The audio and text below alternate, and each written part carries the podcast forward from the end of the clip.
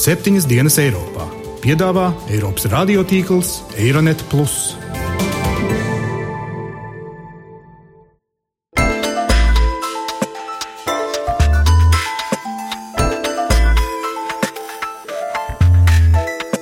Šonadēļ septiņas dienas Eiropā dzirdēsim. Parādīt, ka NATO spēki ir draudzīgi. Stronger, safer, e Visas lielvaras domā ietekmes sfēru kategorijās.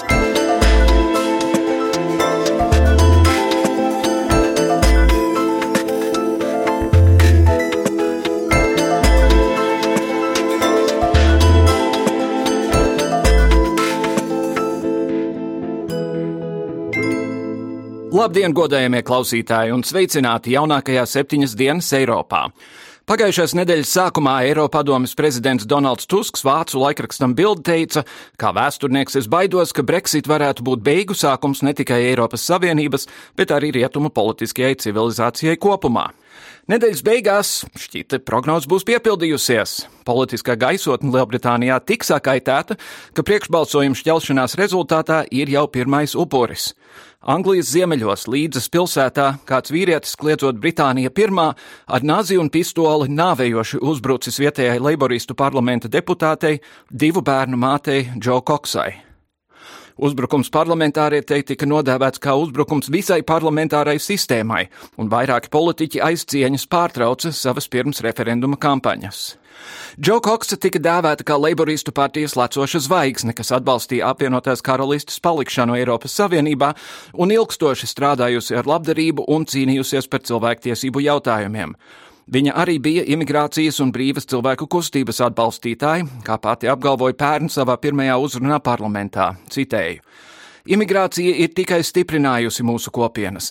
Kamēr mēs priecājamies par mūsu dažādību, mani pārsteidz, ka ceļojot pa savu vēlēšanu apgabalu, es atkal un atkal atskārstu, ka esam daudz vienotāki, kā mums šķiet, un ka mūsos ir daudz vairāk kopīga nekā tas, kas mūs šķier. Tāpēc šodien raidījuma pēdējie viedokļi un prognozes pirms Britu tauta dodas balsot par palikšanu vai izstāšanos no Eiropas Savienības, kā arī saruna par mūsu reģiona drošības jautājumiem, par NATO militāro manevru nozīmīgumu gan mums, gan tiem, kas aiz NATO robežām. Par pēdējām prognozēm, vai Brexit ir neizbēgams un vai tas solās kļūt par Eiropas Savienības beigu sākumu, manas kolēģis Ievas Valēnes sižetā.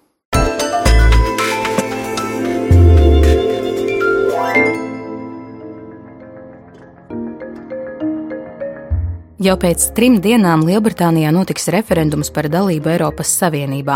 Kad šo referendumu izsludināja gada sākumā, diez vai daudz eiropieši domāja, ka Briti tiešām varētu izstāties, jo Britu vēlmi palikt Savienībā apstiprināja absolūtais vairākums pagājušā gada aptauju. Taču tagad, kad kampaņas rita pilnā sparā, situācija ir mainījusies. Izstāšanās atbalstītāju saima kļuvusi lielāka un reti kurš spēja un vēlas prognozēt, kā mūsu kontinents izskatīsies Jāņu rītā. Lielāko daļu pirms referenduma cīņu laika aptaujas rādījuši visnotaļ līdzīgus rezultātus. Abās pusēs esot ap 40% britu, bet priekšā par pāris procentpunktiem tomēr turoties palikšanas atbalstītājiem. Visu laiku skandēja, ka rezultātu izšķirs neizlēmušie vēlētāji. Kā rāda Financial Times apkopotie dati, viņu skaits kopš septembra sarucis no pamanāmiem 25 līdz 8%. Lai noskaņotu vēlētājus pieslēgties vienai vai otrai grupai, kampaņu rīkotāji izmanto ļoti skaļus, bieži absurdus faktus. Piemēram, izstāšanās kampaņa, ko īsāk mēdz dēvēt par breksiteriem, norāda uz tādiem Eiropas Savienības ieviestiem ierobežojumiem, kā banānu tirdzniecība tikai ķekaros pa trim. Tāpat breksiteri biedē ar 75 miljoniem turku, kuri ierastos Eiropas Savienībā pateicoties bezvīzu režīmam. Tas nozīmē, ka pilnīgi visi Turcijas iedzīvotāji it kā grasās doties rietumu virzienā. dienā. Tiesa arī palikšanas atbalstītāji nav balti un pūkaini, pārsvarā gan ar netik skaļiem meliem, bet gan puspatiesībām. Ziņojot, ka pamatot savienību, Briti ietaupīs vien mazliet vairāk par 5 miljārdiem mārciņu gadā, kaut arī īstu aprēķinu par to nav un ietaupījums ir iespējams arī divreiz lielāks. Tāpat viņi norāda uz 2,2 miljoniem britu, kas dzīvo Eiropas Savienībā un iespējams būtu spiesties atgriezties Britu salās, bet reāli precīzi skaitlis nav zināms un dati svērstās no 1 līdz 2 miljoniem. Tāpat, protams, arī biedē biedēšana ar sabrukušu ekonomiku kā izstāšanās sekām. Britu kampaņas tradicionāli ir izcēlušās ar lielu emocionalitāti un arī tādu mediju klātbūtni kampaņās, kas padara to, ko mēs parasti asociējam ar britu racionalitāti, par kaut ko pilnīgi pretēju tam. Stāsta politoloģija Iveta Kažoka. Viņa min, ka šobrīd, vērojot abas britu kampaņas, var manīt, ka tās paļaujas uz baiļu kultivēšanu. Tas visticamāk veicina to, ka atnāks uz referendumu visakacinātākie sabiedrības daļa, bet tā, kas ir vispragmatiskākā un kura vēlās tomēr lielāku racionalitāti šajā izvēlē, varētu palikt mājās. Tā kā šobrīd abas kampaņas puses ļoti cīnās par to, lai viņu atbalstītāji vispār ierastos uz iecirkņiem, un šim nolūkam laiž lietā visdažādāko artēriju, no malas skatoties pārsvarā ļoti emocionālu. Es ceru, ka nu, teksim, viņi zina, ko viņi dara, un beigās nesanāks tā, ka tie cilvēki, no kuriem visvairāk ir atkarīga Lielbritānijas nākotne, tās ir jaunākās paudzes, tie ir visvairāk izglītotākie cilvēki, tā sabiedrības daļa, kas ir spējusi izsties dzīvē, ka tieši viņa dēļ visa šī trokšņa nolems palikt mājās, jo tieši tā sabiedrības daļa arī ir visu eiro optimistiskākā. Izmaiņas kampaņu tonī manāmas pēc britu parlamentārietes Džo Kokses aktīvas palikšanas aizstāvētājs slepkavības pagājušajā nedēļā. Pēc tās ļoti daudzi nedēļas nogalē plānotie kampaņu pasākumi tika atcelti, bet vēlāk daudzi politiķi aicināja kampaņas vadītājus būt pieklājīgākiem. Svētdien, kad kampaņas pamazām atkal uzņēma apgriezienus, bijušais Londonas mērs Boris Džonsons, kurš iepriekš izcēlies ar ļoti asiem un dažreiz nepatiesiem apgalvojumiem, atkal pievērsās imigrācijas politikai, kas Brexiteru pusē ir ļoti populāra. Džonsons kārtējo reizi solīja atgūt kontroli pār robežām. Tikmēr Lielbritānijas neatkarības partija pirms pāris dienām laidus klajā reklāmu, kurā izmantota fotografija no Slovenijas robežas pagājušā gada vasarā migrācijas krīzes augstākajā punktā un papildināta ar tekstu Eiropas Savienības Savienība ir pievīlusi mūs visus. Šis plakāts jau ticis nodots policijā izvērtēšanai un salīdzināts ar nacistu propagandas tradīcijām. Viens no lielākajiem jautājumiem, kas saistīts ar gaidāmo referendumu, ir par to, vai šim piemēram varētu sekot arī citas dalību valstis. Turpina amerikāņu politologs Ians Brimers. Ja Briti izstāsies, būs daudz cilvēku, kuri teiks, hmm, šī izskatās pēc labas idejas. Īpaši tad, ja šķitīs, ka tas Britiem Dievs nedod neko nemaksās. Tas nozīmē, ka Eiropas Savienībai šis izstāšanās process būs jāpadara ļoti dārgs un ļoti sāpīgs. Tam būs jābūt ļoti birokrātiskam, grūti izpildamam procesam.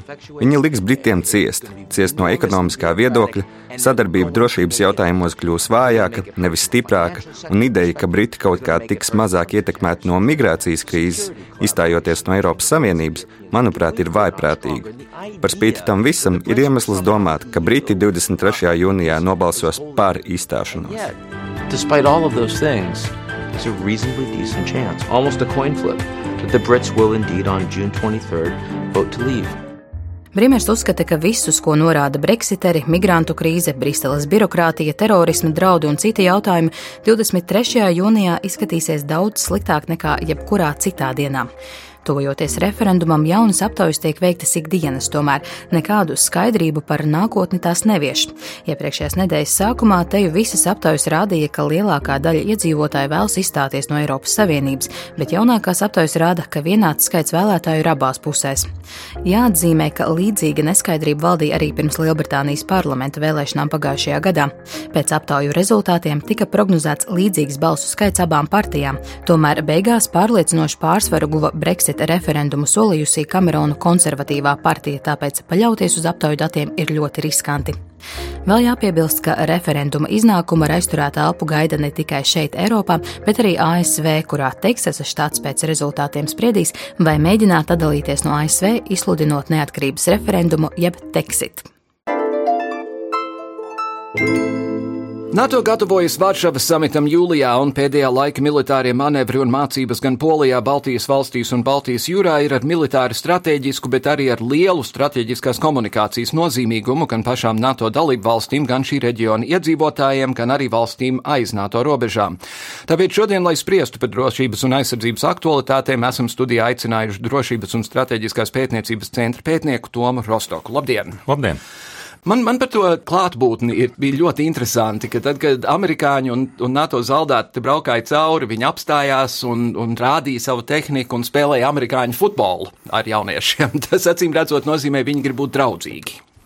Jā, nu, protams, tas ir viens no uzdevumiem. Protams, šādai klātbūtnei un uh, tam, kad uh, NATO spēki tiek pārvietot pāri NATO dalību valstu robežām, tam ir militāra strateģiska nozīme, bet, protams, arī šī strateģiskās komunikācijas nozīme palīdzēt vietējiem iedzīvotājiem parādīt, ka NATO spēki ir draudzīgi.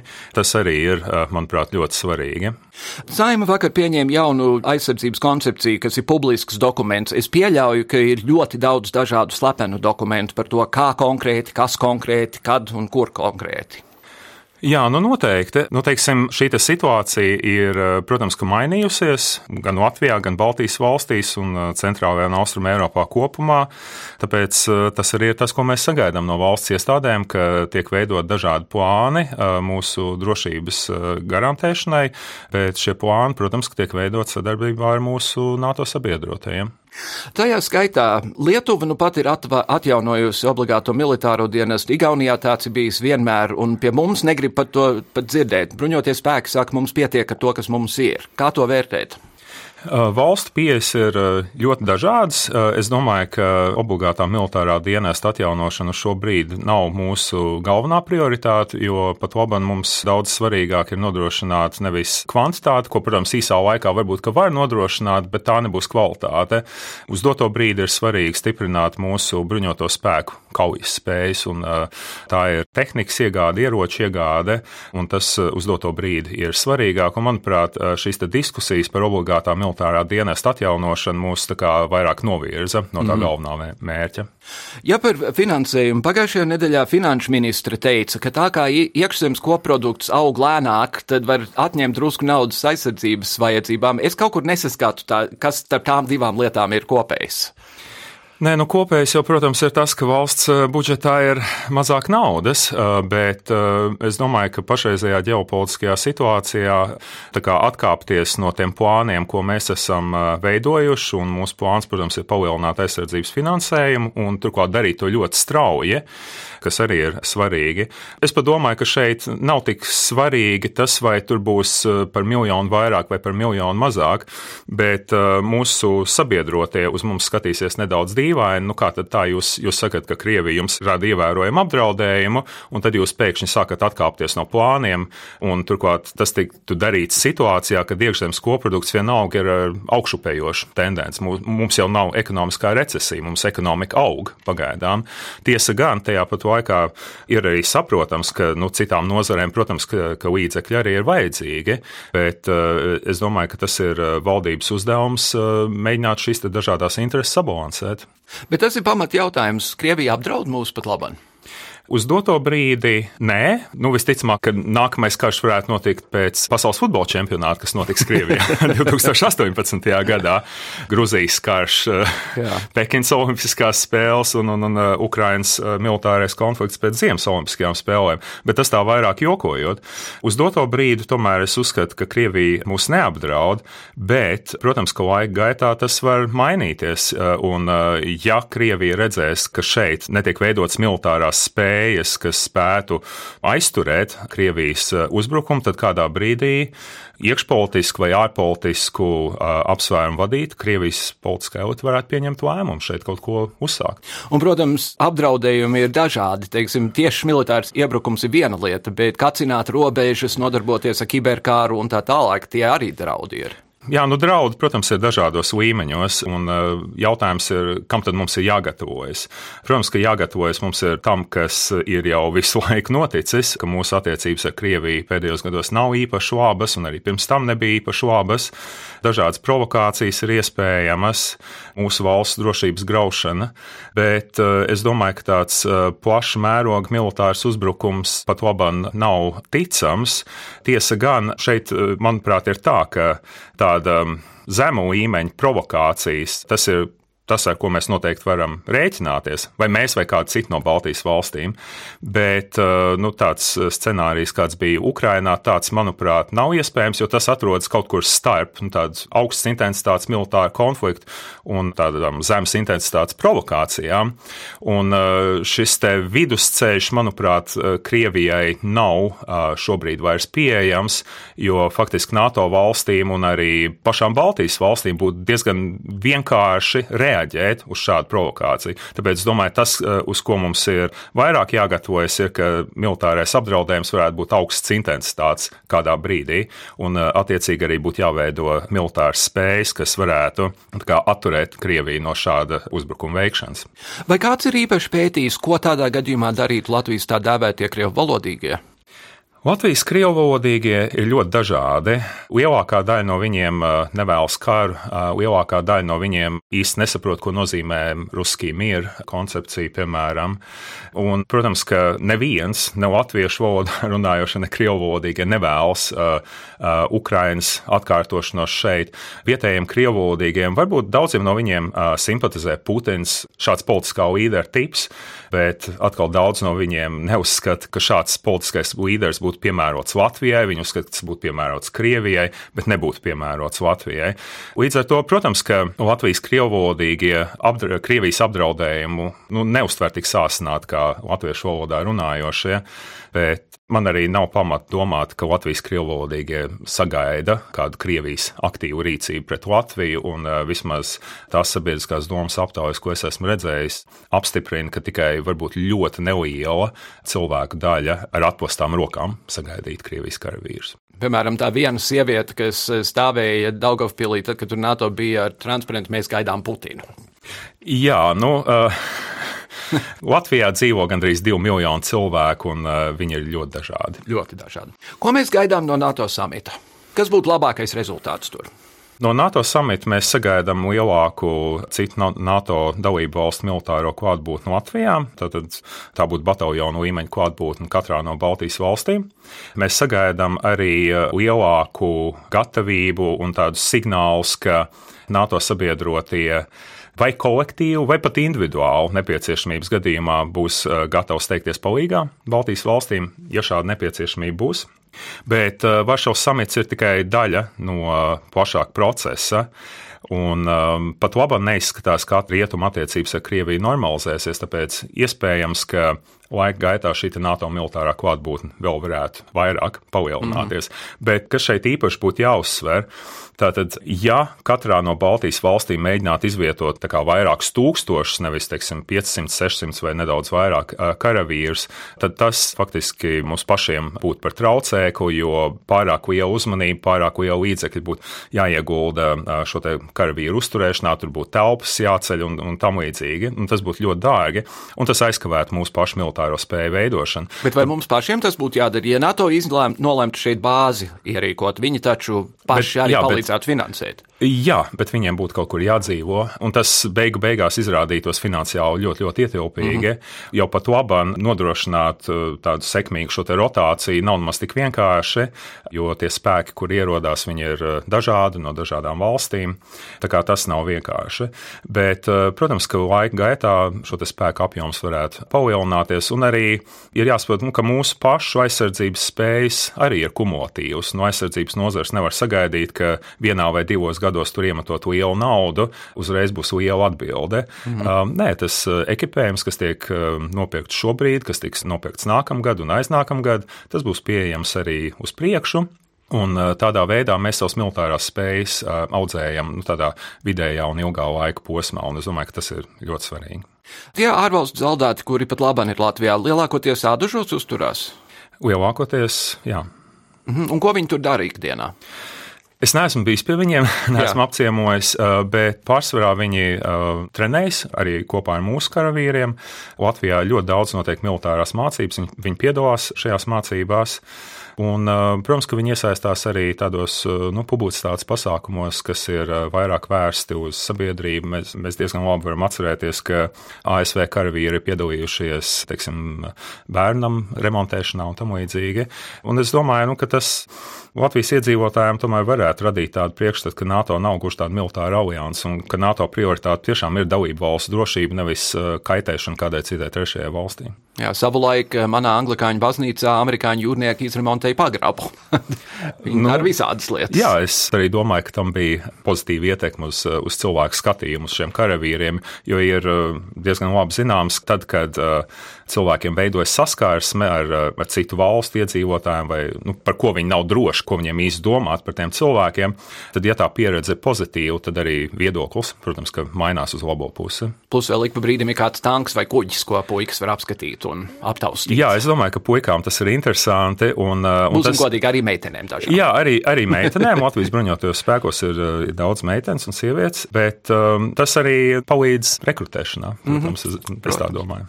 Kur pat labi NATO ir jautājumā par citām valstīm, kas gribētu? Grūzija jau dikti gribētu, Ukraina varbūt gribētu un tā tālāk. Varšavā, protams, nekas netiks nolēmts, bet kur NATO ir pat labi šajā lietā?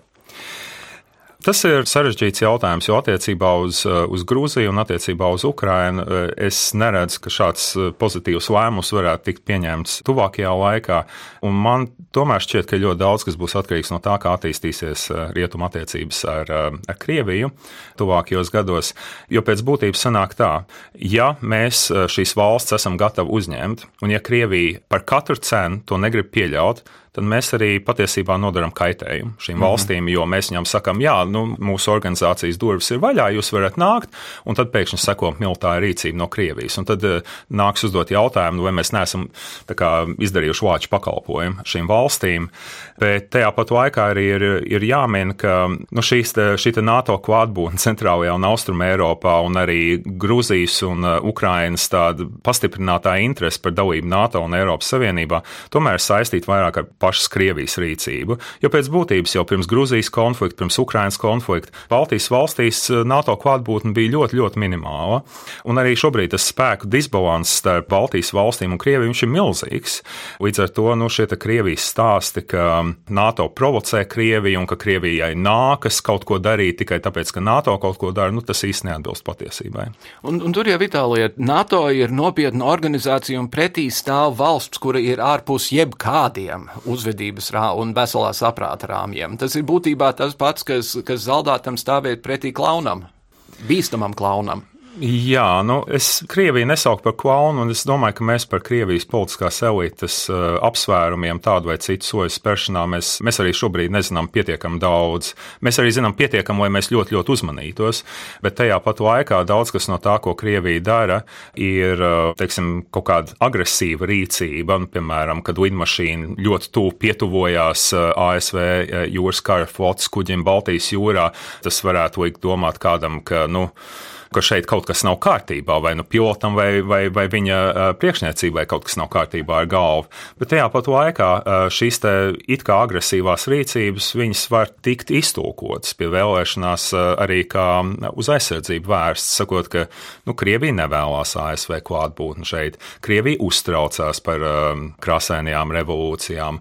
Un, uh, nu, Tāpat, starp citu, kā, kā Amerika negribēja Krievijas klātbūtni Kubā savu laiku. Jā, protams, uh, augstā kara laikā un, un šis, ir, šis ir ļoti labs piemērs, manuprāt, jo lielvalstis domā ietekmes sfēru kategorijās. Vienkārši tad, kad tev tā ietekmes sfēra ir un kad viņa netiek izaicināta vai apdraudēta, tad uh, tev sāk šķist, ka nu, tās ietekmes sfēras nu, tā ir vakardiena vai 19. gadsimts, bet patiesībā visas lielvaras domā ietekmes sfēra kategorijās.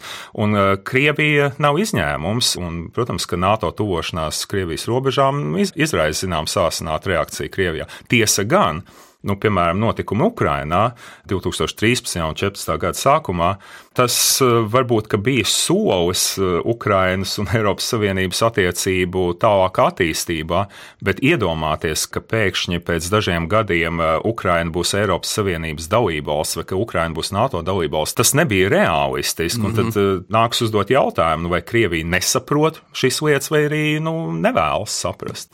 Un pēdīgi jāpaklauniem, vai strateģiskā līmenī ir domāts par to, kas notiks, ja Dievs pasarga Amerika ievēlēs Donaldu Trumpu, kurš saka, ka viņš ir Putina labs draudzīņš un vispār nav nekādas vajadzības NATO aizsargāt kaut ko.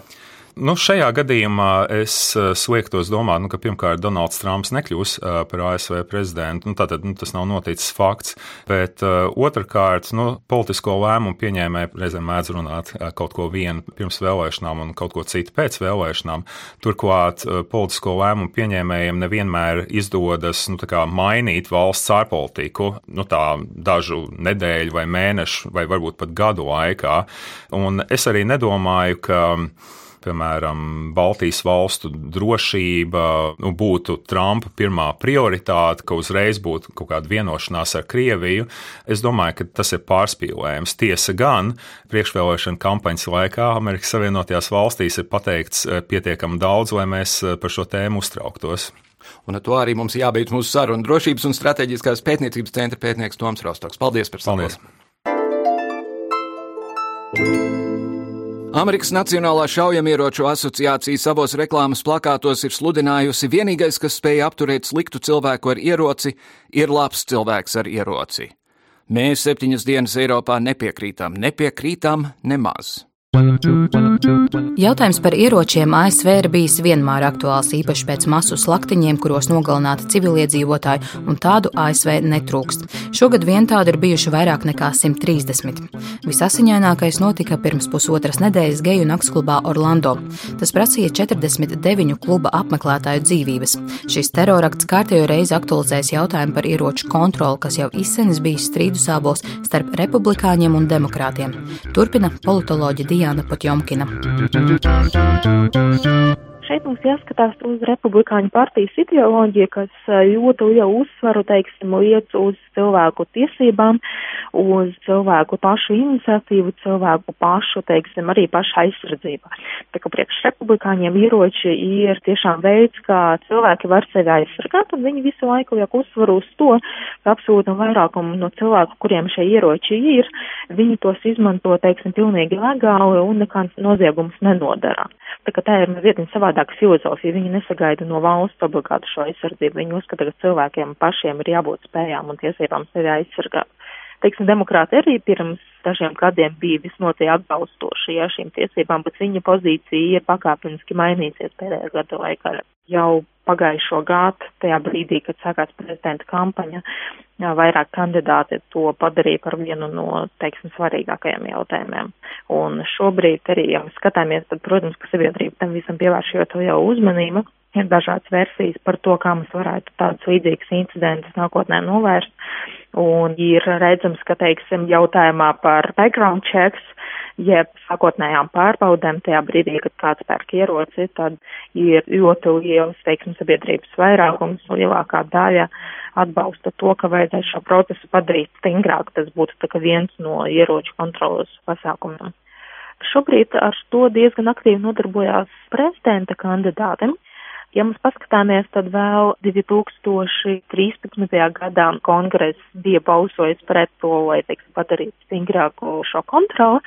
Bet tagad, teiksim, Hillary Clinton, viena no kandidātēm jau pagājušā gada rudenī nāca klājā ar ļoti skaidru plānu par to, kā viņa, esot prezidents amatā, ierobežos šo, teiksim, ieroču pieejamību dažām iedzīvotāju grupām, kas varētu ar to riskantāk uzvesties. Sērnijas Sanders, otrais prezidenta amata kandidāts no demokrātiem, pagaidām nav nācis klajā ar ļoti, teiksim, skaidru detalizētu plānu, bet viņš viennozīmīgi atbalsta šo stingrāku kontroli ar Donaldu Trumpu no republikāņiem ir mazliet interesantāk, jo sākotnēji viņš bija vairāk, teiksim, atbalstoši šīm tiesībām nesāt ieroci.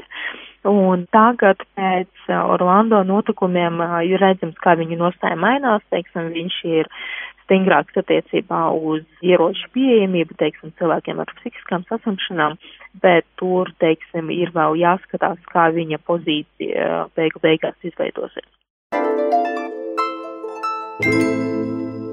Ar to arī izskan šīs nedēļas septiņas dienas Eiropā. Paldies, dāmas un kungi, ka klausījāties. Nākamnedēļ, protams, mēs runāsim par Brexitu, kurš jau būs vai nu noticis, vai nenoticis. Cerēsim visi, ka Lielbritānija tomēr nolems palikt Eiropas Savienībā.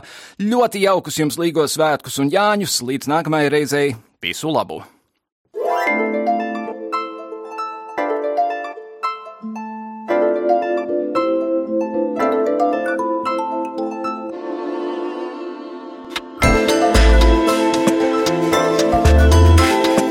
Raidījumu veido Kārlis Streips, Ieva Valēne un Jānis Krops. Raidījuma producents Lukas Rozītis.